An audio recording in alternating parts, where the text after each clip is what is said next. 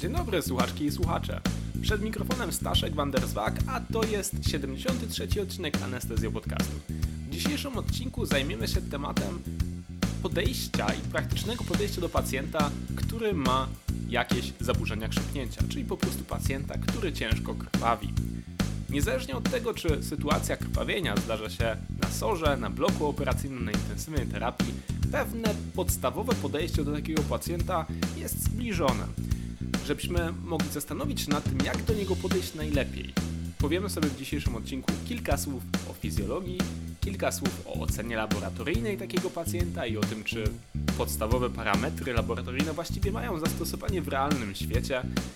Później przejdziemy do takiego bardziej praktycznego tematu piramidy leczenia krwawiącego pacjenta i tego, co i w jakiej kolejności mu podać, oraz do tak zwanych narzędzi teragnostycznych, czyli narzędzi, które zarówno pozwalają nam prowadzić terapię pacjenta, jak i retrospektywnie powiedzieć, co właściwie się z nim działo i jaki był jego problem. To jest plan na dzisiaj, oczywiście nie wyczerpuje to tematu zaburzeń krzepnięcia, z którymi możemy się spotkać, ale myślę, że jest to dobry pierwszy odcinek dotyczący tematu, o którym możemy mówić naprawdę bardzo wiele. Więc jeśli jesteście gotowi, to zapinamy pasy i ruszamy na jazdę po świecie zaburzeń krzepnięcia. Nasze dzisiejsze dywagacje zaczynamy od tematu fizjologii. O fizjologii krzepnięcia można mówić bardzo dużo.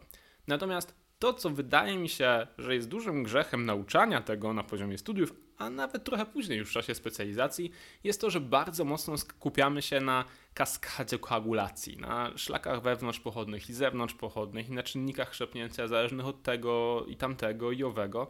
Natomiast zapominamy o tym, że proces powstawania skutecznego skrzepu to nie tylko to, czy wygeneruje się trombina w mm, tej kaskadzie koagulacji, ale również współzależność bardzo wielu mechanizmów, zaczynających się od hemostazy pierwotnej, która jest zależna przecież nie od czynników krzepnięcia, a od funkcji płytek, od czynnika von Willebrandta, Drugim etapem dopiero jest ta generacja trombiny, czyli ten e, aktualny pogląd na koagulację, który zawiera koncepcję szybkiej aktywacji, czyli szybkiego powstawania niewielkich ilości trombiny na szlaku zależnym od e, czynnika tkankowego i czynnika 7a i tak dalej, i tak dalej.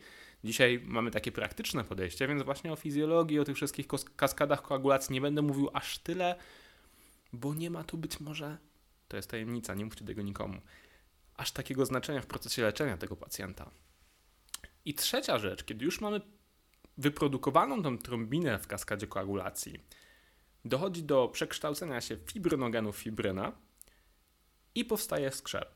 Czyli powstanie tego skrzepu będzie zależne od dostępności fibrynogenu, od ilości trombocytów, od ewentualnych zaburzeń polimeryzacji, ale również od obecności czynnika 13, bo jego rolą jest stabilizacja siatki fibrynowej i chronienie jej przed przedwczesną fibrynolizą.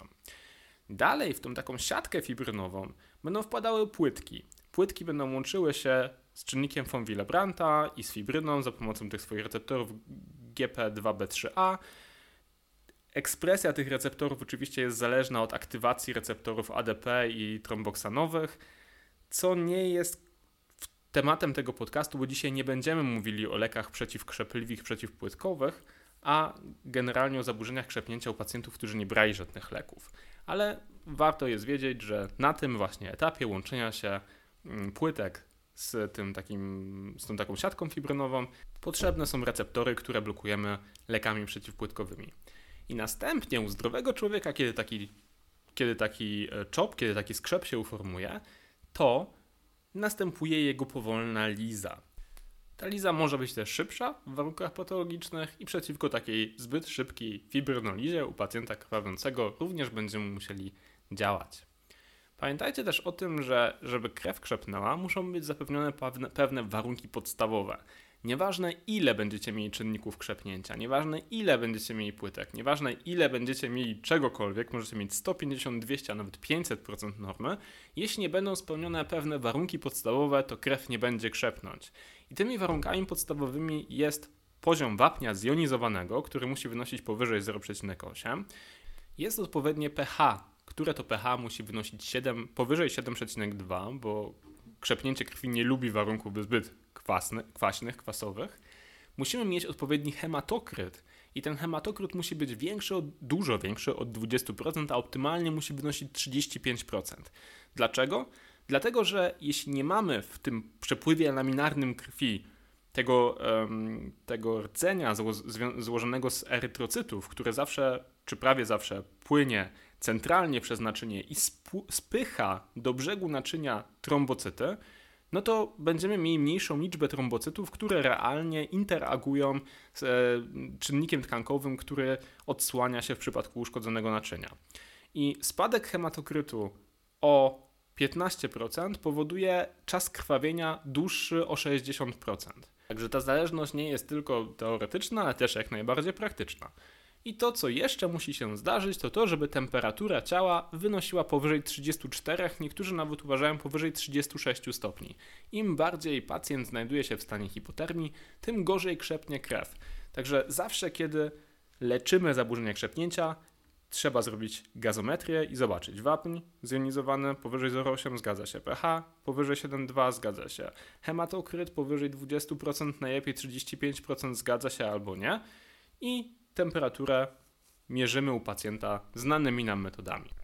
Drugą rzeczą, nad którą warto pochylić się w kontekście oceny pacjenta, który aktywnie krwawi, jest ocena laboratoryjna. I myślę, że tutaj w tym kontekście warto zacząć sobie od takiego stwierdzenia, że u pacjenta, który aktywnie krwawi, nieważne czy to jest na sorze, czy na bloku, w momencie, kiedy otrzymujemy wyniki badań, które wysłaliśmy do laboratorium, te wyniki są już przeterminowane. Po prostu nie możemy na nich opierać swojego leczenia, ponieważ odzwierciedlają one sytuację, która miała miejsce ile? 30, 45, 60 minut temu, na pewno nie w tej chwili i u tego pacjenta, który w tej chwili krwawi. Dodatkowo z oceną laboratoryjną wiążą się też inne problemy. Po pierwsze, APTT i INR nie mówią nam nic, nic, nada, niente o pierwotnej hemostazie i o jakości krzepu, ponieważ oceniają one tylko i wyłącznie koagulację i, krzyp, i czynniki krzepnięcia. Także kończą się te testy, one, ten czas przestaje być mierzony w momencie, kiedy powstaje trombina. To nie mówi nam nic o tym, jaki skrzep na bazie tej trombiny powstanie. Następny problem to to, że diagnostyka point of care krzepnięcia, przykład rotacyjna tromboelastometria, czyli ROTEM, jest nadal bardzo trudno dostępna w większości szpitali, nie tylko w Polsce, ale też za granicą. I e, kolejny problem jest taki, że wpływ do ustnych leków przeciwkrzepliwych jest generalnie trudny do pomiarów laboratoryjnych, bo e, albo te pomiary są skomplikowane, e, to znaczy wymagają bardzo dużo czasu i skomplikowanych odczynników i są drogie, na przykład mm, anty-10A, albo e, te badania podstawowe, które stosujemy, na przykład APTT i INR, generalnie nie oddają tego, w jakim stopniu jest zaburzone krzepnięcie po przyjęciu do ustnych antykoagulantów, więc to też jest oczywiście problem diagnostyczny. Jeśli chodzi o podstawowe badania diagnostyczne i takie ich zastosowanie w realnym świecie, no to możemy sobie zrobić bardzo szybką powtórkę tego, czego możemy się w laboratorium dowiedzieć. Po pierwsze, takim badaniem które stosujemy no, właściwie u każdego pacjenta przesiewowo, jest czas protrombinowy i INR. Te badania oceniają czynniki krzepnięcia 2, 5, 7 i 10 oraz fibrynogen, o którym często zapominamy, ale warto o nim pamiętać. Trzy z czterech tych czynników są zależne od witaminy K, więc u wielu długotrwale hospitalizowanych pacjentów to właśnie niedobór witaminy K będzie przyczyną tego przedłużenia czasu protrombinowego.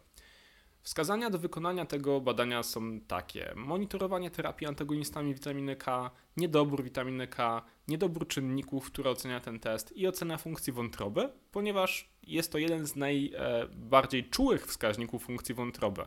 Czas e, półtrwania czynnika siódmego jest tak krótki, że, że czas protrombinowy będzie przedłużał się jako pierwszy z czynników, które mogą nam e, pozwalać czy pomagać w ocenie e, funkcji wątroby. Interpretacja jest taka: jeśli mamy nieznaczne przedłużenie INR-u przy normalnym APTT, to możemy podejrzewać izolowany czynnik tego czynnika siódmego właśnie, czyli tego z najkrótszym okresem półtrwania. Jeśli mamy masywne przedłużenie przy przedłużonym APTT, to mówi nam to prawdopodobnie o przedawkowaniu witaminy K. Test ten nie nadaje się jednak do monitorowania terapii doustnymi antykoagulantami, ani nie pozwala wyciągnąć wniosków, które tej terapii dotyczą, ponieważ pacjent, który bierze chociażby Xarelto Rivaroxaban, może mieć przedłużony INR, ale stopień tego przedłużenia nie będzie odpowiadać zaburzeniom krzepnięcia, jest po prostu laboratoryjnym artefaktem i nie może być podstawą podejmowanych decyzji klinicznych. Drugie badanie, z którym mamy do czynienia, to jest APTT. APTT ocenia czynniki 8, 9, 11, 12, prekalikreinę, a także poważne, ale poważne niedobory czynników drugiego, piątego, dziesiątego i fibronogenu. I teraz, kiedy wykonujemy APTT i kiedy on może nam coś powiedzieć? Wtedy, kiedy chcemy ocenić powyższe czynniki krzepnięcia, kiedy diagnozujemy hemofilię A i B, kiedy chcemy monitorować terapię heparyną i hirudyną i kiedy poszukujemy antykoagulantu toczniowego. Interpretacja jest taka, jeśli jest znaczne przedłużenie czasu APTT i mamy do czynienia z pacjentem, którego oglądamy elektywnie, do, do, do, elektywnego zabiegu operacyjnego, to zawsze powinniśmy wyjaśnić przedoperacyjnie, skąd wzięło się to przedłużenie APTT. Może być to związane z niedoborem pojedynczych czynników, może być związane z obecnością antykoagulantu toczniowego z wysokim ryzykiem zakrzepowo-zatorowym, albo może być związane z przeciwciałami hamującymi i z wysokim ryzykiem krwawienia. Więc ten sam przedłużony czas APTT może nam mówić zarówno o tym, że ten pacjent będzie zakrzepiał się, jak i o tym, że będzie bardzo krwawił. Dlatego należy się zastanowić, skąd się wziął przedłużony APTT. Jeśli nie mamy odpowiedzi na to pytanie, to poszukać jej dokładniej. Czas trombinowy, czyli TT, to jest badanie, które jest wykonywane coraz rzadziej. Z jednej strony pozwala nam ono ocenić fibronogen, a z drugiej wykrywa nawet ślad i tylko ślad dabigatranu, czyli pradaksy, czyli leku, który hamuje e, czynnik drugi selektywnie. Moim zdaniem warto zrobić to u tych pacjentów na Pradaksie, a poza tym niespecjalnie nam cokolwiek da to badanie. Fibrynogen, który też możemy zmierzyć, tylko uważajcie, bo są dwie metody pomiaru fibronogenu i zorientuj się, którą stosuje Twoje laboratorium, bo w zależności od tego, którą stosuje, możesz mieć bardzo różne wyniki. Po pierwsze, można zrobić badanie tzw. Tak derived fibrinogen – to jest e, wtedy fibronogen, który został wyprowadzony z oceny PT albo INR i tak naprawdę jest po pierwsze niewrażliwy na wrodzone zaburzenia fibronogenu, a po drugie, e, jeśli mamy jakikolwiek czynnik, który sprawia, że ocena INR albo PT jest niewiarygodna, to będzie niewiarygodna też ocena fibronogenu. I druga metoda to jest metoda Klausa, która jest e, zmodyfikowanym czasem trombinowym, przy sztucznym dodaniu trombiny w nadmiarze, czyli jakby zależnym tylko i wyłącznie od fibronogenu i ta metoda Klausa jest generalnie uważana za lepszą w ocenie.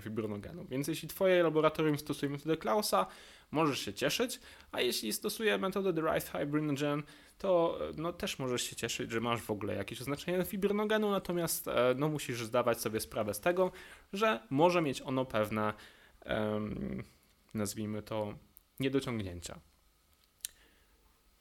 Dostępne są też inne badania, które, których dostępność no, w zasadzie zależna jest od ośrodka, są to badania raczej specjalistyczne i nie zawsze dostarczające wyniki odpowiednio szybko do działania w sytuacji nagłej. Jest to m.in. właśnie czynnik 13, dedimer, anty-10A, kalibrowany anty-10A, RVV test, CLOT Pro, EK test, kalibrowany anty-2A, PFA, czyli Platelet Function Analysis, multiplate i coś, do czego akurat ja jestem przekonany, bo mam ogromne szczęście, że mogę z tego korzystać, czyli właśnie rotacyjna tromboelastometria. Fakty są jednak takie, że większość zakładów ochrony zdrowia, w których pracujemy, nie ma dostępu do rotacyjnej tromboelastografii ani żadnego innego badania point of care, które może nam pomóc w leczeniu pacjenta krwawiącego. W związku z tym, tak naprawdę Wiedząc o tym, że badania laboratoryjne, które możemy wykonać, są bardziej przydatne u pacjentów elektywnych niż u pacjentów aktywnie krwawiących niekoniecznie przyniosą nam odpowiedzi na pytanie, czego ten pacjent teraz potrzebuje, to zasadnym wydaje się stworzenie schematu leczenia, który pozwoli nam zapamiętać na sytuację nagłą, w jakiej kolejności i przede wszystkim jakie składniki możemy u tego pacjenta suplementować i o co musimy zadbać, żeby jego krzepnięcie, jego koagulacja były w jak najlepszym stanie i jak najlepiej przyczyniały się do jego procesu zdrowienia. Więc po pierwsze, Pamiętajmy o tym, że absolutnie najważniejszą interwencją, którą możemy podjąć u pacjenta krwawiącego, jest chirurgiczne opanowanie krwawienia. Jeśli ten pacjent krwawi nie zamkniemy tego, nie, nie, nie zakorkujemy tego odpływu, którym krew wydostaje się z jego organizmu, to wszystkie działania anestezjologiczne są po prostu bez sensu. Więc im szybciej zlokalizujemy źródło krwawienia, im szybciej pacjent znajdzie się na stole operacyjnym, im szybciej zostanie zrobiony przynajmniej packing, tym większa jest szansa, szansa że ten pacjent przeżyje tą całą e, kryzysową sytuację. Drugim stopniem piramidy Drugim stopniem piramidy jest zapewnienie warunków podstawowych, o których już mówiliśmy. Nie ma znaczenia, ile mamy czynników we krwi. Jeśli nie ma zapewnionych warunków podstawowych, pacjent będzie biedny, krew będzie nie krzepnąć, pacjent się krwawi, a my będziemy główkować dlaczego. Wiecie dlaczego? Dlatego, że jego temperatura wynosi teraz 32 stopnie. Albo dlatego, że ma pH 7,1. Albo, albo, albo. Jest dużo możliwości, które sprawiają, że nasze działania z wyższych szczebli piramidy są po prostu bez sensu, jeśli o nie nie zadbamy. Trzecia rzecz to jest hamowanie hiperfibrynolizy. Generalnie u prawie wszystkich pacjentów, którzy masywnie krwawią, hiperfibrynoliza, czyli nadmierne rozkładanie już stworzonej, już spolimeryzowanej fibryny, powoduje, że ten krzep, który powstał, który już zaczął spełniać swoją funkcję, się rozpuszcza i, i, i już go nie ma z powrotem. Także hamowanie hiperfibrynolizy jest trzecim krokiem w naszej, w naszej piramidzie krzepnięcia. Ponieważ ta hiperfibrynoliza jest takim istotnym czynnikiem, to pierwszym składnikiem krzepnięcia, który powinniśmy wyrównywać jest fibrynogen. I mamy tutaj dwie możliwości, albo będziemy go wyrównywać koncentratami fibrinogenu, jeśli są dostępne, albo kryoprecipitatem, który generalnie w polskich warunkach cały czas jeszcze jest stosowanym preparatem krwiopochodnym. Dopiero następnym stopniem są czynniki krzepnięcia. Także bardzo często, przynajmniej mam takie wrażenie, obserwując też swoich kolegów, chwytamy ukrwawiającego pacjenta od razu po drogie rzeczy. Drogie albo w postaci rachunku, które wystawi producent leku naszemu szpitalowi, albo w postaci no, kosztów dodatkowych, które płaci pacjent.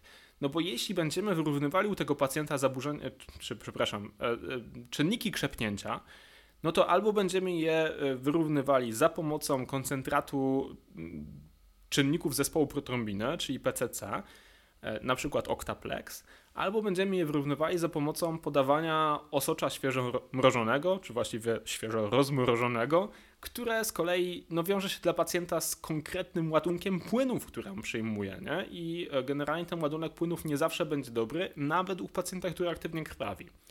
Także e, czynniki krzepnięcia dopiero na raz, dwa, trzy, cztery, piątym stopniu piramidy, wtedy kiedy zadbaliśmy już o wszystkie cztery poprzednie punkty.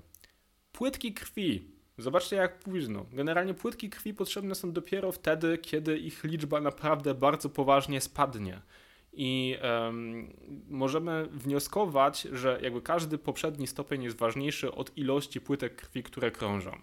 Jedna sytuacja, w której płytki krwi warto potencjalnie przetoczyć wcześniej, to jest sytuacja, w której mamy pacjenta na podwójnej terapii przeciwpłytkowej, ale obiecałem, że dzisiaj nie będę się specjalnie rozwodził na ten temat, więc przechodzimy do ostatniego samego narożni narożnika, hmm, wierzchołka piramidy i ten wierzchołek piramidy to jest leczenie tak zwane ultima ratio, czyli już nic więcej nie możemy zrobić, więc podamy na przykład rekombinowany, rekombinowany czynnik 7a. Ten rekombinowany czynnik 7a działa na krzepnięcie trochę jak, jak bypass na tętnice sercowe, czyli dostarcza czy aktywuje szlaki na zasadzie pewnego obejścia i powoduje ogromny, super szybki wybuch trombinowy, który powoduje z kolei aktywację, czy tam propagację i amplifikację kaskady krzepnięcia, co powoduje bardzo szybkie wykrzepianie, ale też w związku z tym łączy się z bardzo poważnym ryzykiem powikłań zakrzepowo-zatorowych. I teraz, tak jak obiecałem, powiem jeszcze kilka słów o tych narzędziach tera teragnostycznych. To jest tak trudne słowo i taki neologizm, że aż mi trudno to wymówić. Teragnostyczne, czyli terapeutyczno-diagnostyczne. Zaczynamy od tego, e, które mogą nam pomóc w diagnostyce i terapii tych zaburzeń hemostazy pierwotnej, która jest ogromnie ważna i bardzo często zapominana i co ważne, nie oznaczana przez żaden test laboratoryjny, e, który możemy spotkać w standardowym laboratorium. Po pierwsze, koncentrat krwinek płytkowych. Także, tak jak mówiliśmy, podaż płytek może pomóc przy płytkach, które są niefunkcjonalne albo zablokowane nieodwracalnymi lekami. Po drugie, koncentrat krwinek czerwonych, bo przesunięcie płytek krwi na obwód zwiększy bezwzględną liczbę płytek wchodzących w interakcję z uszkodzonym śródbłąkiem. Trzecia rzecz to jest DDAVP, czyli desmopresyna. Ona pomaga uwolnić zgromadzone w komórkach zasoby czynnika von Willebrandta, będącego czymś w rodzaju tkankowego superglue. Lek ten jest skuteczny, obarczony stosunkowo niewielkimi działaniami niepożądanymi w chorobie von Willebrandta i niektórych postaciach hemofilii A. Jeśli chcecie dowiedzieć się trochę więcej o chorobie von Willebrandta, o, o hemofilii A i B i różnych innych, to zapraszam Was do odcinka o znieczuleniu pacjenta z hemofilią, gdzie dość dokładnie się na ten temat rozwodziłem. I jeśli chodzi o samą chorobę von Willebrandta, jeśli ona jest już znana, to można zastosować koncentrat czynnika von Willebrandta, który będzie skuteczny w leczeniu tych zaburzeń hemostazy pierwotnej. Czyli hemostaza pierwotna, płytki i czynnik von Willebrandta podajemy koncentrat kwinek płytkowych, koncentrat kwinek czerwonych, desmopresynę albo koncentrat czynnika von Willebrandta. Nasza druga, nasz drugi etap powstawania skrzepu. To generacja trombiny, czyli cała kaskada koagulacji, nieważne czy będziemy ją pamiętać po staremu, czy po nowemu, czy w ogóle nie będziemy pamiętać, na, tak jak powiedziałem w tym odcinku, nie ma to kluczowego znaczenia. Jeśli podejrzewamy, że pacjent ma problem z generacją trombiny i że to jest jego główny kłopot, to możemy zastosować następujące narzędzia teragnostyczne, żeby się o tym przekonać. Po pierwsze, PCC, czyli koncentrat czynników zespołu protrombiny. Obecnie zazwyczaj stosuje się koncentrat czteroskładnikowy, coraz bardziej ten koncentrat wypiera e, osocze świeżo mrożone z leczenia z uwagi na lepszą sterowność, na szybsze uzyskanie oczekiwanego poziomu krzepnięcia i unikanie przeładowania płynami. PCC może być też brzytwą, której chwycimy się jako tonący anestezjolog w momencie, kiedy mamy na stole pacjenta, który zażywa doustne leki przeciw przeciwkrzepliwe, przeciwkoagulacyjne, a szpital no, albo nie ma na stanie andeksanetu alfa, albo nie ma ochoty na wydawanie dziesiątek tysięcy złotych na skorzystanie z tego preparatu. Wtedy możemy podać PCC i mieć nadzieję, że to chociaż trochę chwyci. Drugą rzeczą, którą możemy podać jest witamina K, którą możemy podawać dożylnie albo doustnie i raczej wtedy, kiedy mamy czas. No bo wiadomo, że witamina K nie leczy sama w sobie niedoboru czynników zależnych od witaminy K, tylko musi być wykorzystana w wątrobie na to, żeby te czynniki na nowo syntetyzować. W związku z tym, jeśli mamy trochę czasu, pacjent nie krwawi bardzo, możemy podać witaminę K. Jeśli natomiast jest to sytuacja nagła, no to raczej będziemy podawali albo osocze świeżo mrożone, albo PCC. Rekombinowany czynnik 7a, tak jak już mówiłem, wywołuje masywny wybuch trombinowy, czyli ten thrombin burst, który jest obarczony potencjalnie ciężkimi powikłaniami i powinien być stosowany wyłącznie jako to ultima ratio, czyli ostatni rzut leczenia. I andexanet alfa jest to pieruńsko drogi lek, ale zdecydowanie skuteczny odwracacz do, ust, do, odwracacz do ustnych antykoagulantów. Dostępny na rynku jest pod nazwą Ondexy-A, i zarejestrowany jest do odwracania wszystkich działających na czynnik 10A do aków, poza edoksabanem, czyli lixianą, chociaż czasem podaje się go off-label i przy tym paskudztwie, osiągając lepsze lub gorsze wyniki. Idarucizumab to jest trudna nazwa tego, co pewnie większość z nas kojarzy pod nazwą Praxbind, czyli przeciwciało, które zwiąże Pradaxę, czyli dabigatran, i pozwoli czynnikowi drugiemu na to, żeby wrócił do swojego optymalnego działania. To były wszystko leki i preparaty, które możemy stosować na tym etapie generacji trombiny. I przechodzimy znowu do trzeciego etapu naszego procesu krzepnięcia, czyli do powstawania skrzepu. I tak jak mówiliśmy, powstawanie skrzepu zależne jest przede wszystkim od obecności fibrinogenu i od obecności czynnika 13. Także można podać koncentrat fibrinogenu, można podać kryoprecepitat, z którego niektóre kraje już odeszły całkowicie z uwagi na dostępność odpowiednich koncentratów. Niemniej w porównaniu do osocza świeżo mrożonego, kryoprecepitat zawiera duże ilości fibronogenu i czynnika 8, więc jakby do leczenia hipofibronogenemii nadaje się on lepiej. E, no i rzeczą, która również jest potrzebna na tym etapie powstawania skrzepu jest czynnik 13, który też w ramach odpowiednich koncentratów w niektórych miejscach przynajmniej można znaleźć. No i ostatnim etapem, którym warto się zaopiekować, jest fibrynoliza, bo nadmierna fibrynoliza będzie powodowała rozpuszczanie się skrzepu, o który tak ciężko walczyliśmy. Wobec tego możemy podać albo kwas traneksamowy, albo aprotyninę, które będą działały jak znalazł na te problemy. Także to jest takie najbardziej podstawowe podejście do pacjenta z zaburzeniami krzepnięcia. Najważniejsze jest to, albo, albo inaczej, najważniejsze nie jest to, żeby rozpoznać konkretne zaburzenie, które leży w danym momencie u podstawy tego, co się dzieje z tym pacjentem. Ponieważ po pierwsze, ten pacjent będzie miał bardzo złożone zaburzenia w momencie, kiedy aktywnie traci krew, czynniki krzepnięcia, płytki, fibrynogen traci wszystko, Natomiast najbardziej kluczowe jest to, żeby mieć poukładany w głowie schemat, który sprawi, że nie zapomnimy rzeczy, które mają wyższy priorytet od rzeczy, które są dla nas trudniej dostępne. I nie będziemy sięgać od razu po Nowo 7 w momencie, kiedy tak naprawdę mamy jeszcze ileś kroków do zrobienia, które temu pacjentowi w danym momencie mogą pomóc bardziej i sprawić, że będzie miał mniej powikłań spowodowanych leczeniem, które będziemy stosować. Jeśli natomiast mamy dostępną diagnostykę point of care, no to wiadomo, że sensownym jest kierowanie naszego leczenia na podstawie wyników badań diagnostycznych, które udało nam się wykonać.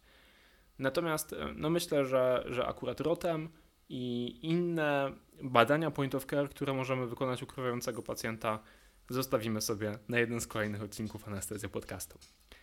Co do podstaw zaburzenia krzepnięcia i leczenia krwawiącego pacjenta, to by było tyle. Piramidę krzepnięcia razem z opisem znajdziecie na stronie laryngoskop.eu, gdzie zamieściłem też bardziej szczegółowe notatki do tego odcinka Anestezjo Podcastu. Tymczasem bardzo dziękuję Wam za uwagę. Fajnie było Was usłyszeć w majowym odcinku naszego programu. Dziękuję wszystkim patronom, którzy przyczyniają się do tego, że Anestezjo Podcast może powstawać i może nadawać i jak zwykle życzę Wam satysfakcjonującej pracy i spokojnych dyżurów. Pamiętajcie, że to co robicie jest istotne, jest ważne, robicie to dobrze wiem, że zdecydowanie za rzadko to słyszycie, więc dzięki Wam za Waszą dobrą robotę. Mój pies Kajko też Wam podziękował. Trzymajcie się, do usłyszenia za miesiąc.